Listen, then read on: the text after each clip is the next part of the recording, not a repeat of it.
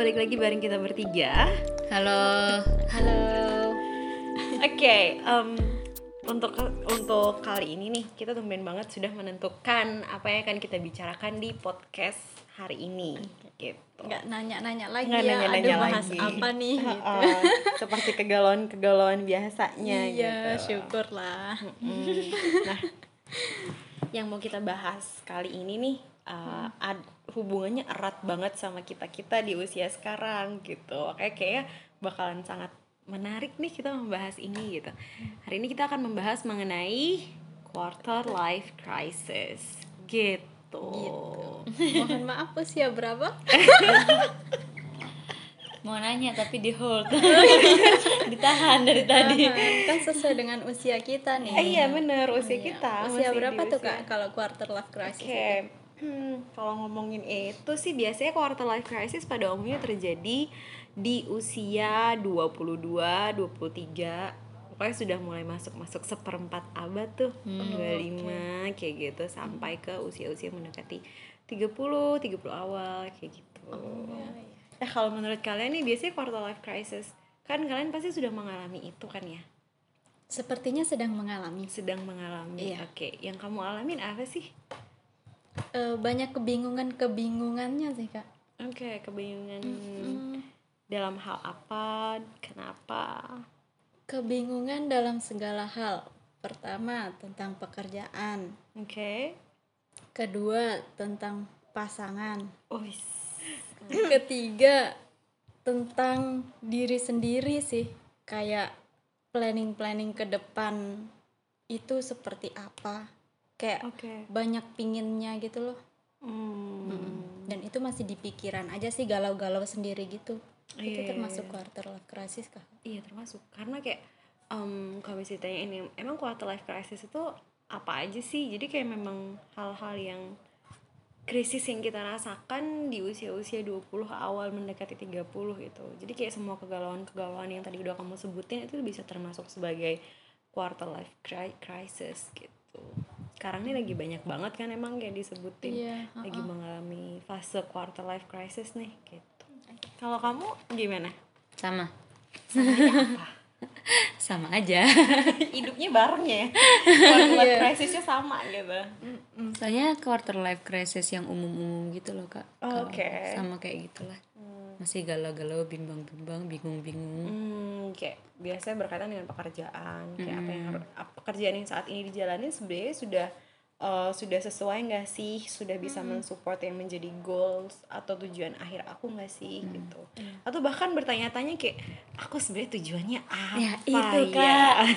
itu Kak. Aku lagi kayak sebenarnya waduh. sebenarnya aku itu kayak pengennya apa kayak gitu tuh kayak lagi bertanya-tanya gitu sih, Kak. Kayak bingung sebenarnya aku itu kayak gimana sih sebenarnya pengennya apa kayak gitu tuh belum jelas gitu loh. Kak. Oke, em, aku juga sampai saat ini masih mengalami beberapa hal dari yang oh, kalian sebutin tadi gitu. Jadi kayak mempertanyakan mengenai, termasuk mempertanyakan mengenai tujuan gitu. Karena di usia sekarang itu, ini sembari ya kita ngebahas tentang kenapa itu terjadi gitu. Iya, Karena di usia ini tuh kan kita sudah mulai memahami bahwa tanggung jawab kita itu sudah lebih dari hanya sekadar hadir di dunia gitu loh. iya mempertanyakan eksistensi kita ya berarti gitu. Jadi kayak nggak cuma kehadiran kita doang, tapi kayak kita juga sehari-hari berinteraksi sama orang. Jadi setidaknya bermanfaat buat orang juga bisa menjadi salah satu hal yang bisa kita lakukan atau menjadi tujuan kita. Atau misalnya kita mempertanyakan mengenai sejauh ini hubungan kita sama orang tua seperti apa sih? Hubungan kita sama saudara seperti apa sih gitu. Kemudian kita sudah mempertanyakan tentang hubungan kita secara romantis gitu sama orang gitu. Kayak eh gue udah usia segini nih kayaknya sudah pengen mulai memulai hubungan yang lebih serius dengan orang. Atau misalnya sekarang sedang menjalin hubungan sama orang mempertanyakan seperti orang yang sekarang bareng sama aku itu sebenarnya orang yang sudah tepat gak sih untuk aku bisa menghabiskan waktu bersama-sama dengan dia kayak gitu. Termasuk mempertanyakan tentang karir. Eh ini bisa menjanjikan kestabilan gak ya sampai ke masa depan gitu atau jangka panjang gitu? Apakah ini akan bisa terus bertahan untuk jangka panjang kayak gitu? Itu menjadi pertanyaan-pertanyaan yang muncul karena kita sudah mulai menyadari bahwa itu sudah menjadi bagian dari tanggung jawab kita di usia sekarang kalau misalnya zaman dulu ya di bawah usia 23 di bawah usia 24 itu kita masih istilahnya gimana ya kayak masih hidupnya itu sebagian besar bergantung sama orang tua. Kita tahu bahwa kalaupun kita masih belum ada gaji atau pemasukan nih kalau berhubungan dengan finansial atau pekerjaan ya kita bisa bergantung sama orang tua karena orang tua juga masih setidaknya memberikan uang jajan lah ya ke kita gitu. Dan kita pada saat itu juga tahu yang menjadi tanggung jawab kita adalah ke kampus nyelesain kelas abis itu nanti di tahun-tahun terakhir kita ngerjain skripsi skripsi kelar udah gitu. Jadi kayak tanggung jawab kita tuh masih di sebatas itu aja gitu. Di hal-hal yang memang eh sudah pasti jelas ada panduannya gitu loh. Kayak gimana gimana sih cara kita bisa lulus dari kampus ini atau misalnya gimana cara kita mendapatkan gelar tertentu gitu. Udah ada udah ada urutannya gitu. Kamu harus ngikutin kelas ini ini ini habis itu kamu skripsi ini ini ini habis itu ya udah gitu. Tapi kalau sekarang ini bener-bener nggak ada panduannya sama sekali.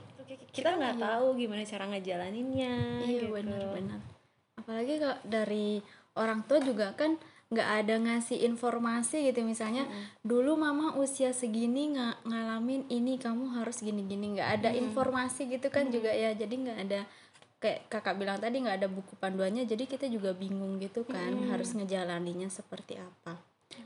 Di satu sisi kita kayak eh mau dewasa tapi kalau de menjadi dewasa juga kayaknya ribet banget gitu ya rasanya ya. Hmm, iya. karena banyak banyak tanggung jawab itu tadi. Mm, betul. banyak tanggung jawab dan banyak tuntutan yang harus kita penuhin gitu. Mm-mm. dan tuntutannya itu bukan ber- bukan berhubungan dengan kita memenuhi apa yang diharapkan atau apa yang menjadi ekspektasi orang lain gitu. Tapi memang apa yang berhubungan dengan tuntutan yang harus kita penuhin untuk kita bisa hidup di dalam jangka waktu yang panjang gitu mempertahankan kehidupan kita gitu. Begitu. Jadi memang bisa dibilang itu fase perkembangan sih gitu. aku yakin kok sebenarnya orang tua kita zaman dulu juga meng- mengalami ini gitu. Cuman dulu belum ada belum namanya iya ya. belum ada namanya gitu. Iya masih belum tahu kalau namanya quarter life crisis. Taunya juga taunya cuma kayak kok aku bingung ya harus gimana ya? Nanti eh, kerja apa ya kerjanya ya gitu. Berarti setiap tahapan usia itu ada krisisnya masing-masing berarti kak. Nggak cuma quarter life crisis ini aja. Ada tugas perkembangannya masing-masing di Oh. tahapan usia. Dan krisis pada umumnya muncul di masa transisi di usia transisi. Hmm. gitu. Kayak dari anak-anak ke remaja. Itu kan udah mulai ada uh, adaptasi secara fisik ada pubertas. Kemudian sudah mulai berubah nih dari orientasinya dekat dengan keluarga menjadi orientasinya dekat dengan tem- pertemanan dengan teman kayak gitu. Di situ krisis yang muncul adalah kayak kok teman-teman aku punya kelompok atau punya geng ya? Kok aku nggak ada yang nemenin ya? Atau misalnya kayak kok teman aku dia bisa di kelas sama itu nanti ke kantin dia bisa dengan orang yang sama. Kok aku nggak bisa mendapatkan teman yang seperti itu ya gitu. Terus kayak misalnya berarti aku aneh ya beda sama teman-teman yang lain. Krisisnya kayak gitu kalau di masa transisi itu gitu. nah sekarang nih banyak hal yang kita masih belum temukan dan banyak. pertanyaan yang muncul yang kita nggak tahu cara cari jawabannya di mana. Gitu. Kalau sekarang kita tanya nih caranya ke kakak tahu nggak kak caranya? Masing-masing tahapan usia dan kegalauan itu cara carinya memang sendiri gitu loh aku bisa jadi sudah menemukan jawaban di beberapa pertanyaan. Tapi jawaban yang aku punya itu belum tentu bisa match sama pertanyaan yang kamu punya gitu loh. Oh jadi setiap orang beda-beda gitu akan ya? menemukan eh, eh, akan menemukan jawaban yang berbeda. Karena sebagian besar dari pertanya jawaban dari pertanyaan itu akan bisa terjawab dengan kita mengetahui diri kita dan kita mengetahui apa yang ingin kita tuju gitu. Oh kan kalau di usia ini kan mak- maksudnya di usia di usia kita ini kan banyak nanyain tentang eh, karir. Karir kan balik lagi kan masing-masing dari kita tuh cara eh, menemukan jawabannya seperti apa kan. Jawabannya kan seperti apa itu kan berbeda. Hubungan hubungan apalagi ya? Kayak pertanyaan aku sama pertanyaan kamu pasti jawabannya akan berbeda gitu loh. Iya. Gitu terus kayak cuman yang aku sejauh ini lakukan dalam menghadapi quarter life crisis nih ya kalau seperti itu mungkin aku bisa membagi informasi sedikit gitu ya Oke. Eh, yang aku lakukan adalah yang pertama adalah mencari tahu sebenarnya aku pengennya apa sih Itu sampai sekarang kita pikirin sih. Mm-mm. Aku maunya apa ya? cari mencari tujuan dan sering banget sih memang dulu aku pertama-tama juga kayak bingung gitu loh bingung sebenarnya aku tuh tujuannya apa aku pengennya apa gitu. Nah waktu itu tuh kayak eh aku mikirnya gini hal apa yang aku bisa lakuin? Kayak nggak jauh beda sama kalau misalnya yang mantengin nih yang mantengin eh postingannya eh, Bali Psikologi di Instagram.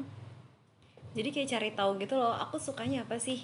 Kemudian dari yang aku suka itu sebenarnya kalau ngomongin eh secara finansial ada yang bisa menghasilkan nggak? Jadi aku nemuin caranya kayak sama kayak ikigai gitu setelah menemukan tujuan nih. Oh aku pengennya ini. Tujuan akhir aku seperti ini. Berarti untuk mensupport itu jenjang karir seperti apa yang aku butuhkan? Seenggaknya satu pertanyaan dari krisis yang aku hadapi itu kejawab secara perlahan tapi kayak emang bener-bener nggak dilakukan dalam sehari gitu loh. Oh, bertahap dan Bertahap. dalam jangka waktu yang tidak ditentukan berarti ya. iya bertahap banget. Cari jawabannya tuh bertahap banget. Kita nggak bisa bilang kayak eh ini aku akan menemukan eh jawaban jawabannya dalam waktu sehari atau harus segera sesegera mungkin gitu. Enggak bertahap dan berproses Nggak bisa dibikin skala prioritas juga ya kak berarti. maksudnya seperti apa Maksudnya misalnya tentang pekerjaan di usia segini misalnya baru lulus ya, terus mau mencari pekerjaan. Sedangkan aku nggak tahu nih kemampuan aku seperti apa, eh, aku bisanya apa kayak kayak gitu kan nggak tahu. Jadi nanti kayak bikin skala prioritas. Oke, eh, dalam jangka waktu enam bulan aku harus setidaknya eh, sudah masuk di perusahaan ini kayak gitu. Atau eh, dalam jangka waktu sekian aku eh, posisinya di tempat kerja apa gitu. Itu bisa kayak gitu nggak sih kak? Bisa bisa. Kayak maksudnya dari sekian banyak pertanyaan itu kita mencoba untuk membuat uh, skala prioritas mana pertanyaan yang kita butuh untuk mencari jawabannya lebih dulu gitu ya.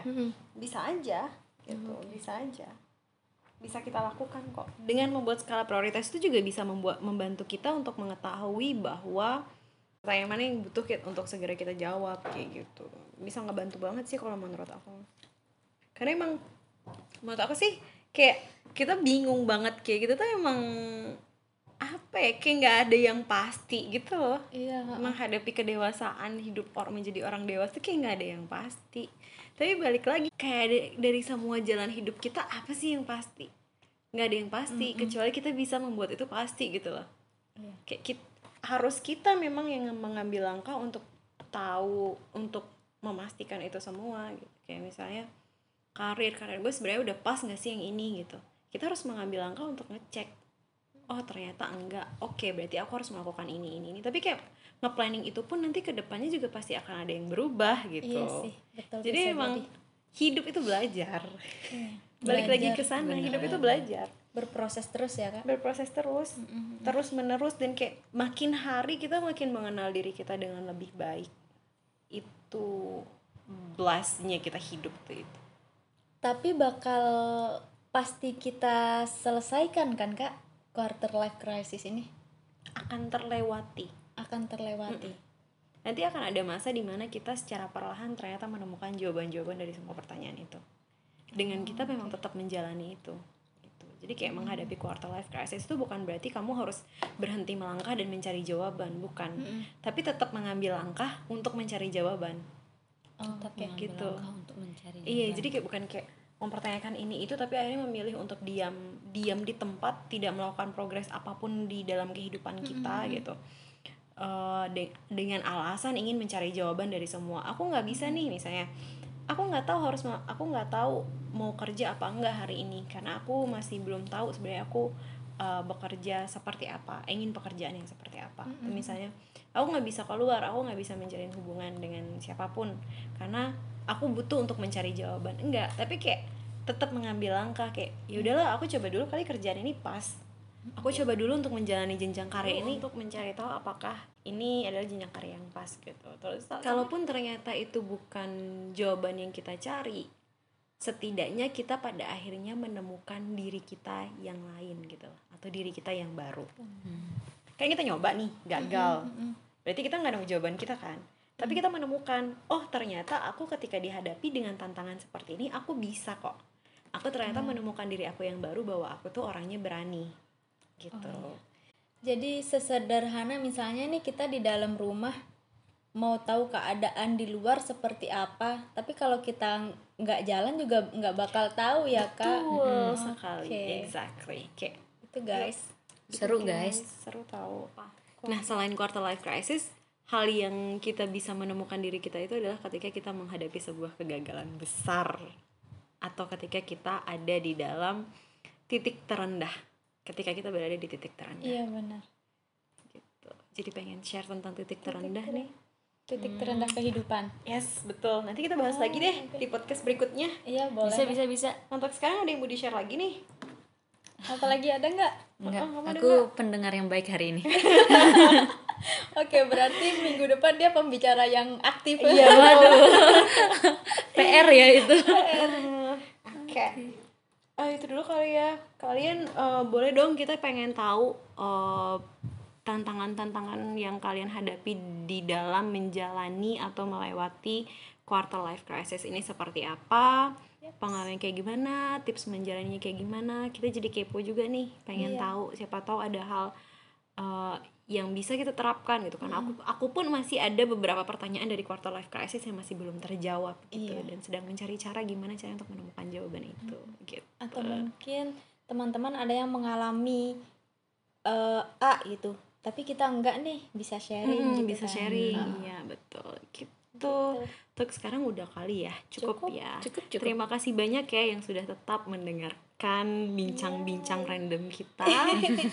Jangan lupa DM kita di IG at balai.psikologi untuk semua saran atau misalnya masukan terkait dengan apa yang mau dibicarakan dan juga share-share tentang pengalaman-pengalaman kalian terkait dengan topik-topik di podcast kita. Terima kasih banyak. Terima kasih. Bye. bye bye